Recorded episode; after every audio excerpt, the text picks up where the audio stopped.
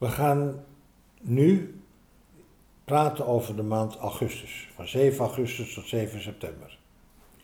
De inleiding die ik daarin wil houden is dat voor mij de seizoensindeling zo is dat op 7 augustus uh, de herfst begint. Ik heb een andere seizoensindeling. 7 augustus begint de herfst. Uh, 21 september is het hoogtepunt van de herfst. En 4 november is het einde van de herfst en het begin van de winter. Ik wil een paar dingen in het algemeen over de herfst zeggen en dan het per maand gaan behandelen. En vandaag ook de eerste maand, augustus tot 7 september. In, de, in de herfst vindt het de woord, vindt rijping plaats. Rijping is het slagwoord van de herfst. Veelkleurigheid. Uh, de oogst. Uh, de oogst wordt binnengehaald, augustus, september. Uh, de bessen komen later, september, oktober. En je kan zeggen dat het de namiddag en de vooravond van de dag is. Dan krijg je een idee. Vanaf, laten we zeggen, twee uur, drie uur. Waarin uh, de energie nog heel erg vol is. En waarin een veelkleurigheid plaatsvindt. Ik kan het niet anders zeggen. In het leven, als je het leven verdeelt in seizoenen, dan is het het leven tussen 42 en 63 jaar. 4 keer 21, lente, eerste 21, 21, 42 de zomer. En dan, eigenlijk vrij vlug, begint de herfst. 42 tot 63. In die herfst heb je als het ware de opbrengst van die zomer, die rijpt. Rijpen kan ook in het Chinees staat er een teken dat is het stalen van het karakter. Dus het betekent dat je in je rijping leert om niet de hele tijd met vernieuwing bezig te zijn, maar je bent bezig met consolidatie. Bezig met consolidatie van wat er is, van wat je verworven hebt. Natuurlijk gaat de vernieuwing door. Dat is, daar is dit hele model voor. Natuurlijk komt er iets bij maar je merkt dat je op een bepaalde manier gebakken zit. Um, en in de herfst merk je ja, dat je eenmaal zo bent. En je hebt dingen weer verworven dit jaar en daar doe je het mee. En daar kan je tevreden of ontevreden over zijn. Maar je leert meer om de dingen te accepteren. In de zomer ben je groter geworden, zal ik maar zeggen. Ben je geëxpandeerd. En nu ben je aan het consolideren.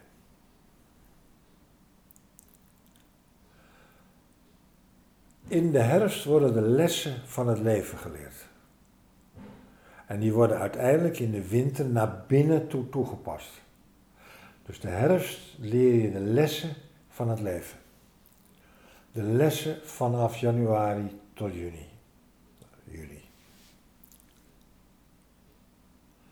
Die lessen die je geleerd hebt, pas je toe. En daar komt dat woord, het stalen van het karakter uit voort. Want in die toepassing van die lessen wordt het duidelijker en komt je kiel dieper te liggen. De kiel komt dieper te liggen omdat er een wezenlijke zelfkennis is. De wezenlijke zelfkennis is iets anders dan de kennis van het ik, die in de lente en de zomer speelde. De persoonlijkheid die zich ontwikkeld heeft. Na je 42 is je persoonlijkheid uitontwikkeld komt niks meer bij. Ja, een beetje, je wordt wat aangeschaafd. Wat ontwikkelt is je ziel. En die zielsontwikkeling ten behoeve van de ander, dat is de herfst. Dus de zielsontwikkeling van jou ten behoeve van de ander is de herfst van het leven. En in de herfst zijn we dus bezig, naar aanleiding van wat ik vorige keer zei, om vormen te maken die uniek voor mij zijn die ik verworven heb als instrument die ter beschikking komen van de wereld. Dat is de herfst van mijn leven. En daarin neem ik dus mijn eigen specifieke functie met mijn eigen specifieke kleuren. Die functie neem ik in. Dit is de inleiding over de herfst. Dan ga ik door met de maand augustus-september, wat de eerste maand van deze herfst is en wat een voortgang is van juli-augustus, natuurlijk. En er zijn veel dingen die in augustus hetzelfde zijn als in juli, die doorlopen. Dat heb ik ook vorige keer toen ik juli besprak al gezegd. Maar dat zeg ik nu weer, zodat je een goed idee krijgt. Het belangrijkste van augustus, eigenlijk is die stilte dan al voorbij van juli, die holy days. Maar in augustus, niet maar, en in augustus gaat het over gemak. Hoe leef je vanuit gemak? En gemak betekent dat je rust in jezelf en naar buiten toe en naar binnen toe geniet van het leven. En wanneer geniet je?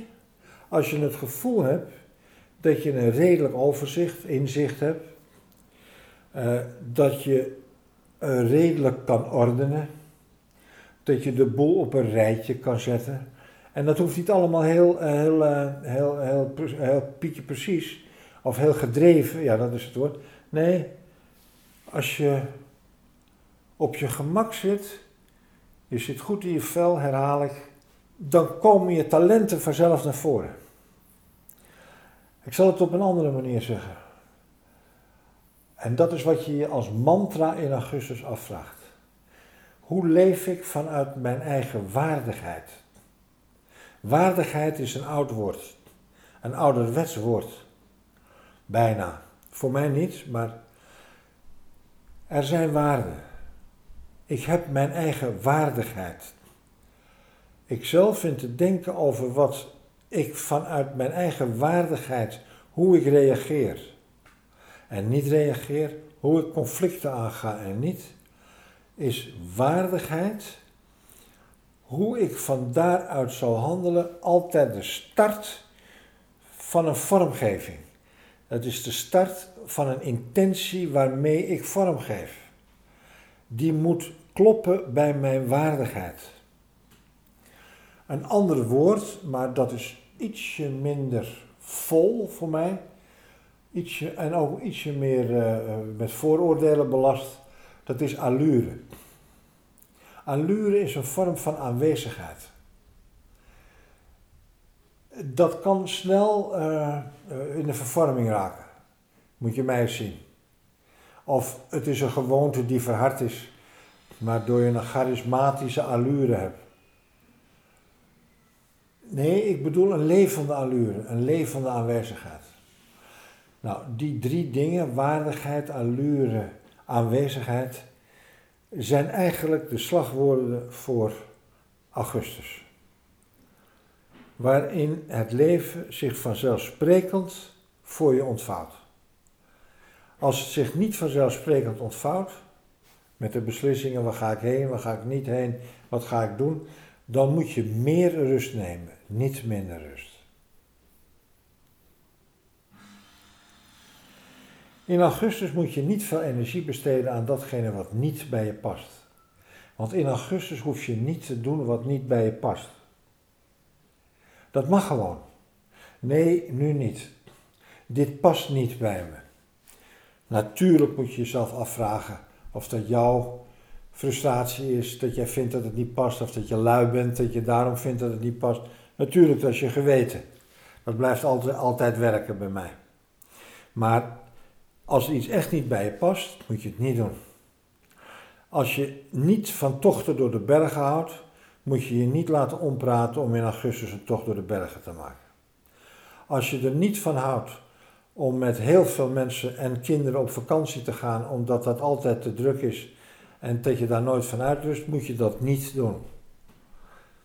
Dat is een uh, tip voor twee verdieners die met hun kinderen gezamenlijk naar de camping gaan en daar doodmoe vandaan komen eind augustus. Dat doe je niet omdat je egocentrisch bent. Dat doe je omdat dat instrument van jou wat straks die vorm moet gaan brengen, een uniek instrument moet worden. En dat moet schoon zijn. Van daaruit is het natuurlijk zo dat het gaat over een samen zijn met andere mensen. Maar ook dit weer, het is een samen zijn vanuit dat je bij elkaar hoort. En je mag je best afvragen waarom je bij elkaar hoort.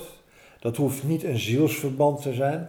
Je mag ook een sociaal verband hebben, eh, omdat je allemaal kleine kinderen hebt, of omdat je allemaal oud bent uh, en daarin samen optrekt. Dus het, maakt, het, het hoeft van mij niet meteen heel erg een mooie zielsverbanden te zijn. Ook graag, maar het kunnen ook gewoon solidariteitsverhoudingen zijn, waarin het duidelijk is wat je met elkaar te maken hebt. Alleen, hou dat schoon. Zorg dat er geen egocentrisme gaat spelen. Zorg dat je niet, zorg dat de verschillende belangen die er zijn in evenwicht zijn. Want voor je het weet, zijn in gemeenschappen eh, belangen uit evenwicht. Het begint met we doen het gezamenlijk en het verspreidt zich altijd naar dat een aantal trekkersfuncties hebben en een aantal minder trekkersfuncties hebben. Let daarop in augustus. Dat kom je ook tegen. Een van de dingen die je in die belangengemeenschappen merkt, waar op zich niks mis mee is, is dat het ik van mensen een dubbele agenda heeft. Enerzijds vriendelijk, anderzijds vinden ze dat dat moet gebeuren. Let op dubbele agenda's in augustus van jezelf en van anderen. En weet dat sociale contexten, sociale groepen, dat het diepste wat mensen willen, waar ze naar zoeken, is de liefde. En vaak is de liefde in die sociale contexten niet te vinden. Maar iedereen is er op zoek naar. En het kan zijn dat in die sociale contexten je denkt dat je een liefde gevonden hebt omdat je dat zo graag wil. Dat is juli en augustus. Dat zijn de vakantieliefdes. Dat zijn niet alleen dat, maar ook dat je liefde niet bevredigd wordt door je sociale omgeving, maar dat je ineens een activiteit hebt, een berg beklimmen, een riviertocht maken, uh, uh, mediteren, een, een cursus volgen die je altijd hebt willen volgen. En dat je daar als het ware je liefde aan geeft, dat is op zich goed. Maar hou geen uitverkoop. Dat is een waarschuwing. Blijf die liefde voor jezelf houden. Wat mogelijk is, dat haakt aan bij augustus toen ik zei, of bij juli, dat je prioriteiten stelt. Je kan nu beginnen, zeker eind augustus, begin september, begin je met het aanbrengen van orde en structuur in je agenda. Waarin je werkelijk, net zo goed als er in januari was, wat wenste door mij heen geboren te worden, januari, februari, is het nu dat je eind augustus, laatste week van augustus, eerste week van september, oké, wacht even, ik kijk heel eventjes naar 25 december, aantal maanden. Hoe kan ik het ordenen zodat ik de hele herfst een overzicht heb op dit moment van wat ik ga doen. Dat betekent als het verandert, en dat kan natuurlijk, dan weet ik ten koste waarvan dat gaat en wat ik verander. Dan ben je bewust van een intentie die nu een andere vorm gaat krijgen. Daarom is die tijd heel belangrijk. Daarmee maak je de bedding voor de hele herfst in je activiteiten, inclusief je leven uh, thuis, je werk en je kinderen en je sport en al die dingen, maak je klaar. Al deze dingen, waardigheid, allure, eigenheid, aanwezigheid, die hangen niet af van je sociale status. Die hangen niet af van je vader of moederschap. Die hangen niet af van welke rol dan ook. dat is alleen maar aan jou. Daarin ben jij totaal alleen. En dat alleen in augustus, te midden van die uh, orde die je maakt, te midden van de sociale structuur, is er een paradox in augustus, die noem ik even, dat je helemaal alleen kan zijn als het gaat over de vraag hoe geef jij vorm aan jouw waardigheid. Dat is ook augustus.